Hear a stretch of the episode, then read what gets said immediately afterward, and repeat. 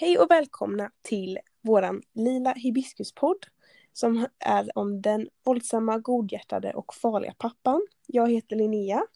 Och jag heter Filippa och eh, vi ska idag diskutera boken Lila hibiskus som enligt oss är eh, en roman och romanen är skriven av den nigeriska författaren Chimamanda Ngozi Adichie som vid tillfället var 26 år gammal när hon skrev denna boken. Eh, boken publicerades för första gången år 2003 på originalspråket engelska. Men det är också små inslag av eh, igbo som är ett av språken som talas i Nigeria. Den lila hibiskusen är en roman som innehåller grova övergrepp inom nära familj.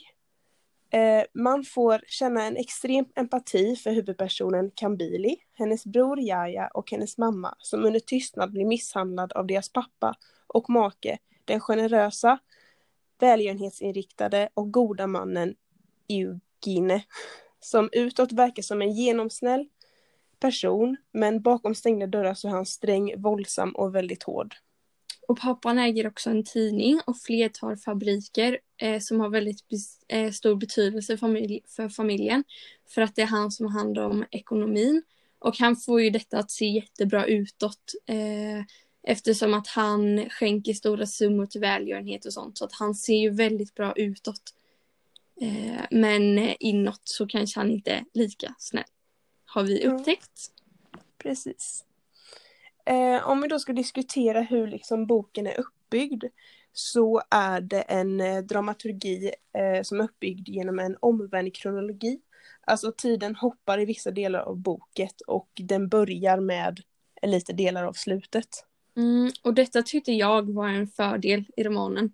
För att man kastas ju in eh, direkt som läsare eh, i handlingen. Och man får en snabb eh, uppfattning och eh, upp ett intresse väldigt eh, fort om vart boken befinner sig.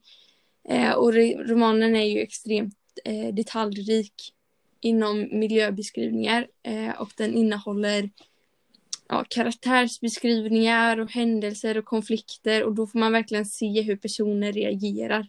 Och det ger också en bild om hur personen är eh, i boken, alltså själva karaktären.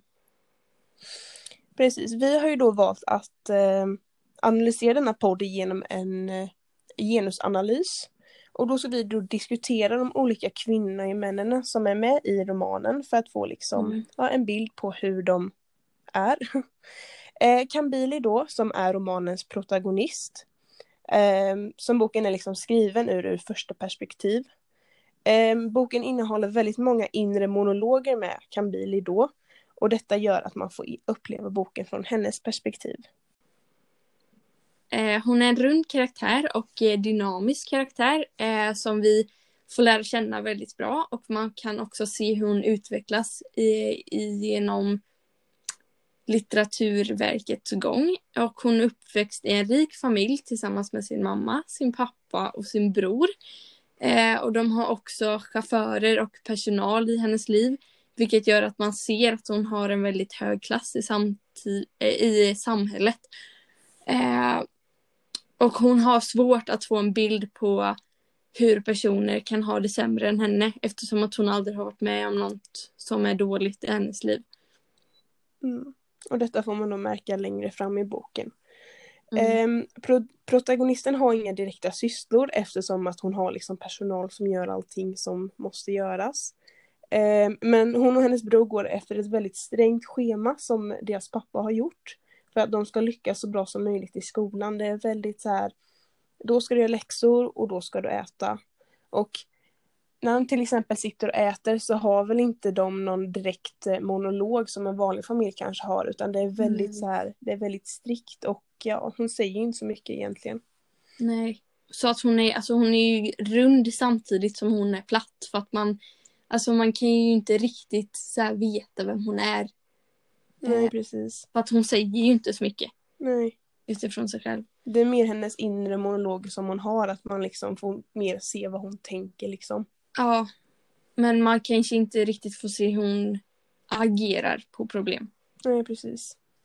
Eh, och pappan, eh, Egunie, det är väldigt mycket konstiga ord i den här boken som Ja. jag måste tillägga också. För att eh, det har varit eh, det har, samtidigt som det har varit spännande så har det också varit väldigt svårt för man vet inte vad det betyder liksom. Ja. Eh, men enligt oss är pappan romanens antagonist eh, för det är han som skapar konflikterna. Eftersom att han har så grov våld mot eh, Kambili Jaja och deras mamma. Och vi tycker att han är en sadistisk karaktär. Alltså på grund av hans handlingar och eh, hans agerande ändras inte. Eh, trots vid flera in, eh, tillfällen där han till och med inser att han går för långt. Och han är ju då högt uppsatt i samhället och eh, han har en väldigt, väldigt stark katolsk tro. Vilket också kan leda till att han har den här grymma synen på sina barn. För att eh, ja, när man är så pass eh, troende så kan det också leda till dåliga saker. Och han är då ägare av flera fabriker och tidningen. Och har ett väldigt stort pondus i samhället. Och han är rik och framstår utåt sett som godhjärtad som sagt. Eh, och han hjälper de personerna som har det svårt i samhället genom sina pengar. Och genom verkets gång så ändras ju hans konflikter och de blir liksom bara grövre och grövre. Det går från liksom att liksom knäcka fingrar till att han häller Mm. kokande vatten på barnens fötter och att han misshandlar mamman så hårt så att hon förlorar två barn. Och då blir det liksom, i och med att konflikten blir högre och högre så sker det ju en stegring i romanen. Mm. Eh, om man sitter bara och läser, alltså anledningen till varför man läser vidare är för att man väntar på den här peripetin i romanen, alltså vändpunkten för att det Ja. liksom ska vända och det ska hända något annat. Mm, ja, precis. Men i början, typ första sidorna, så läser man ju om när pappan eh, kastar saker i skåp och sånt för att han blir så arg. Medan i slutet av boken så häller han liksom kokande vatten på barnen för att han är så upprörd över att de Mm. inte lyder han. Men den här vändpunkten skulle jag säga är fasten. Och hon Ja. heter Eufema. Och hon är då Kambilis och Jajas faster. Eh, och de åker ju och bor hos henne några veckor eh, under jul.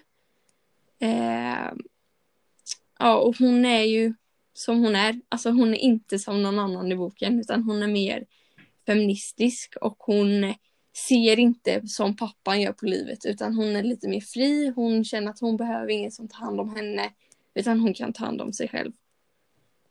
Mm. Hon är ju en statisk karaktär.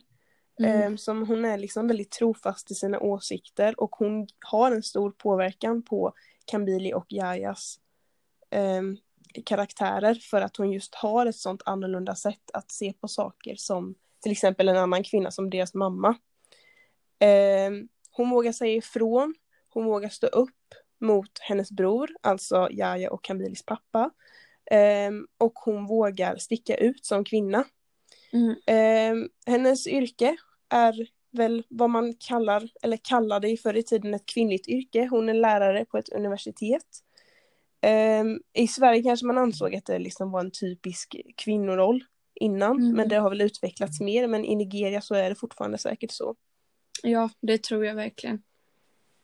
Eh, ja, men precis. Hon är ju mer... Hon vågar säga ifrån och hon vågar stå upp. Och till skillnad från pappans familj, där mamman inte jobbar, så jobbar hon ju som lärare. Hon styr sin egen ekonomi och hon behöver ingen som hjälper henne liksom. Utan hon är väldigt så feministisk i denna Mm. bok. Och Jaja då, och det är ju protagonistens bror, alltså Kambilis bror. Eh, Och han är rund och en dynamisk karaktär i romanen och han utvecklas ju genom verket. I början så vågade han inte säga till sin pappa när eh, hans pappa gjorde de här grymma handlingarna. Men på grund av att Jaja börjar våga säga emot under bokens gång så blir ju detta också en inspiration till Kambili och det ger en annan bild på deras situation och hur de tänker kring eh, alltså det pappa gör mot dem liksom. Mm. Och det märker de ju också när de är hos eh, mos- eller fasten. Att det funkar ju inte så i deras familj så att varför är pappan elak mot Jaja och Kambili? i deras familj liksom. Ja. Han blir lite mer trotsig ju längre tiden Mm. går. Ja. Eh, mamman då, som är en väldigt eh, spännande karaktär, alltså mamman till Yahya och Kambili, heter Ja. Beatrice. Och alltså direkt så är hon en platskaraktär, det är liksom den första uppfattningen man får. Men indirekt så inser man i romanens slut att hon inte alltid har varit den man tror att hon har, var, hon har varit. Hon är en statisk person. Eh, och man kan säga att i början av liksom romanen så är hon en negativ påverkande faktor till Kambili och Yayas utveckling. Eh, för att hon låter ju pappan hålla på. Alltså hon säger ju inte ifrån någonting. Hon är liksom Nej. bara hon, är liksom, hon går runt och är rädd för att han ska bli arg bara. Så Mm. ingen säger ju ifrån liksom. Eh, man kan som sagt tro att man känner henne. Men när man kommer närmast i slutet så förstår man ju att hon har varit mycket starkare än vad man har trott. Ja. Och att hon under hela romanen liksom gömt sig bakom sanningen. Ja men verkligen. Och hon är ju typ tvärt emot eh, Eufema, alltså fasten. Alltså hon är ju tvärt emot. Hon vågar inte säga till och hon klarar inte sig själv. Eh, Och Mm. det finns ju även ex- exempel i boken.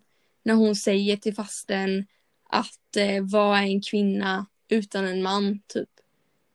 Eh, och Mm. då så säger ju Eufema till henne att ja men det är ju jag, jag klarar ju mig själv. Så att eh, Ja. Mm. Och eh, hon har ju då troligtvis genom he hela romanen eh, långsamt försökt bli av med deras problem har vi upp, eh, märkt. Eftersom att pappan har ju de här konstiga utslagen i eh, sitt ansikte och eh, han får ju väldigt mycket i slutet, väldigt mycket utslag. Eh, och då Mm. så kanske hon har försökt att bli av med pappan under längre tid genom råttgift i hans te då. Eh, men hon kanske la i lite extra mycket när hon verkligen var trött på det. Ja. Eh, och eh, ja, det är ju en typ av ondska det med. Att hon vill ju bara bli av med problemet. Eh, Mm. Ja, Den instrumentella ja, ondskan. precis. hon vet liksom medvetet att hon gör ont Mm. men hon gör det för avsikt för att mörda mannen för att det kommer uppnå något bättre för henne och hennes Ja, familj. att hon eh, och hennes barn kommer slippa våld från han. Ja. Ja, Könsrollsmönstren då som vi har upptäckt i boken. mm, och eh, vi kan komma fram att romanen har typiska könsroller. Till exempel att Ifema är en högutbildad lärare som egentligen en man borde vara. Eh, eftersom att hon tjänar bra och eh, hon lever under dåliga ekonomiska förhållanden eftersom hennes man gick bort. Men det spelar ingen roll för att hon klarar ju sig själv. Eh, och det är som att romanen vill spegla att anledningen till varför hon har det på det sättet är för att hon har mist sin man och inte klarar sig utan honom. Eh, vilket vi tror att väldigt många kvinnor tänker i det landet också. Inte, de kanske inte är så positiva som Eufema är utan de är lite mer så här att om min man dör så kommer inte jag klara mig. För att mannen är alltså den som gör att det praktiskt funkar. Ja, precis. Hon är ju så här. ehm, ja, vad ska man säga? Hon klarar sig utan Mm. man och hon har så här motbevisat att man faktiskt gör det. Ja. Vilket kanske inte är vanligt. Även fast de lever rätt dåligt så klarar de sig liksom. Mm. Ehm, och om man jämför då Ifema mot hennes bror. Eh, han är liksom rik och han är flera ägare av fabriker. Eh, Medan hon är eh, lärare. Alltså de båda har ju viktiga roller i samhället men ändå skiljer sig deras livsstilar så långt ifrån Ja. varandra. Och alltså om man jämför deras yrke, om man skulle jämföra med Sverige idag så kan ju man se så här mönster som stämmer överens. Mm. Ja. Eh, till exempel som grävmaskinist som jag tror många anser är ett mansyrke. Eh, de tjänar mycket mer än vad till exempel undersköterskor gör. Och jag tror att detta beror på att eh, sen längre tillbaka så har man ansett att vårdyrkena är liksom ett kvinnoyrke. Ja. Och trots att undersköterskeutbildningen är betydligt längre och arbetstiderna är betydligt tuffare än för en grävmaskinist så tjänar de ännu sämre. Så att man kan ju se vissa så här mönster i som fort- fortfarande finns kvar i Sverige utan inte bara i Nigeria liksom. Mm, ja, precis. Och eh, jag skulle också påpeka det här med Beatrice, alltså mamman. Eh, för att här ser man en tydlig könsroll för att hon är ju skyldig till pappans död. Men eh, hon bär ju inte skulden för det utan det är ju ändå Jaja som tar på sig straffet och eh, blir satt i nigeriskt fängelse. Och eh, jag skulle säga att det är väldigt typiskt eftersom att eh, liksom mamman ska ta hand om familjen och då vill inte Jaja riskera att det är mamman som ska, som ska få ta straffet utan att det är han som tar det eftersom att det spelar typ ändå ingen roll om han tar det. Mm, han är liksom, alltså, fort, även om han är ett barn mm. eh, som egentligen ska bli omhändertagen av sin mamma mm. så är han ändå man och får liksom ta smällen, han liksom typ räddar familjen. Eh, och man undrar ju om det hade, situationen hade sett likadant om det var Kabili som steg fram och tog skulden. Ja. Eh, för han får ju offra sig för familjen och vara den liksom, ja, som räddar dem. Ja. Liksom.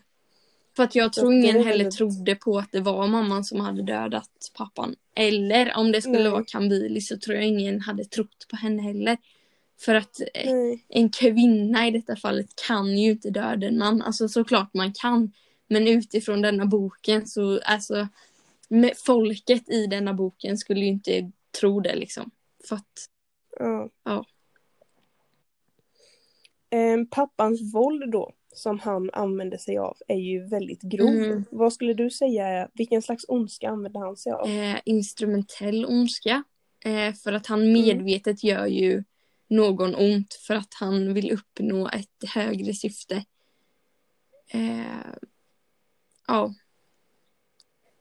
Alltså att vi tror att han gör ont för att han tror att det kommer lära Jaja och Kambili någonting. Men han gråter ju samtidigt som han slår dem och häller kokande vatten. Eh, och det är ju som att han egentligen inte vill göra det men att han måste göra det på grund av hans tro eller för att han vill deras allra bästa och vill lära dem utifrån hans sätt och då tror han att det är att hälla kokande vatten på dem. Mm, han vill ju deras eget ja. bästa. Typ det här med skolan. Han vill ju att de ska lyckas. Det är ju väldigt viktigt för mm. honom. Men det är ju absolut inte den rätta vägen Nej, att gå. precis. Men hans död då, död då, som också är en slags peripeti i boken liksom. Det blir liksom en vändpunkt. Han har ju då utslag i ansiktet mm. och det blir ju bara sämre och sämre under bokens gång och i slutet avlider han på sitt kontor. Och det framkommer sen då att eh, Beatrice eh, säger till sina barn att det är han som, hon som har lagt råttgift i hans te. Eh, hon har alltså mördat sin man. Ehm, och från genusperspektivet så förstår man ju hennes val varför hon gjorde det. För hon är, hon är ju en kvinna som lever på hennes mans yrke. Och hon liksom, alltså det går ju, hon skulle inte lämna honom. För att då hade hon ju blivit på gatan liksom. Mm. Eh, så att för att leva vidare sitt liv så väljer hon väl att mörda honom för att hon inte ser någon annan utväg. Nej. Och det är ju eh, i, i Genes våld som har eh, gjort att hon har gått så långt. Ja. Och det är ju förståeligt varför hon gör det, för att hon såg ju säkert ingen annan utväg. Mm, och jag kan också tycka att eh, det hade ju varit så mycket lättare för mamman eh, om pappan hade varit eh, ond, alltså utåt också. Men nu eftersom att han var så demokratisk och skänkte stora summor till välgörenhet och tog väl hand om sina anställda. Eh, och, om han, och han var ju också en stöttepiller i kyrkan. Eh, det skulle varit mycket enklare tror jag om han också var ond utåt och inte så här fin mm. utåt. Eh, och då kanske också omgivningen hade sett blåmärkena på hustruns kropp och reagerat på hennes många missfall som hon faktiskt får för att pappan mm. slår henne och då kan ju inte barnet vara kvar i magen. Eh, och mm. barnens brännmärken och brutna fingrar Eh, och då kanske släkt och eh, vänner och lärare kanske hade sett detta. Alltså mer. Eller alltså mm, så här. Och ingripit. Ja, och inte ignorerat det. Eftersom att om han hade varit ond utåt också så hade man väl kanske, aha, jo men då förstår vi kanske att det är faktiskt han som mm. ja, som är elak mot dem. Mm. precis. Eh, boken är ju skriven av en kvinna. Eh, och det tycker jag att man märker tydligt eftersom att eh, alltså kvinnor är ju förtryckta i samhället. Mm. Eh, tyvärr är det så. Eh, det är inte lika starkt som i Nigeria som i, nej det är inte lika starkt i Sverige som det är i Nigeria, absolut inte. Men eh, boken innehåller väldigt detalj detaljerade, verklighetstrogna och starka känslor som en kvinna kan uppleva. Eh, och vi båda är ju kvinnor. Mm.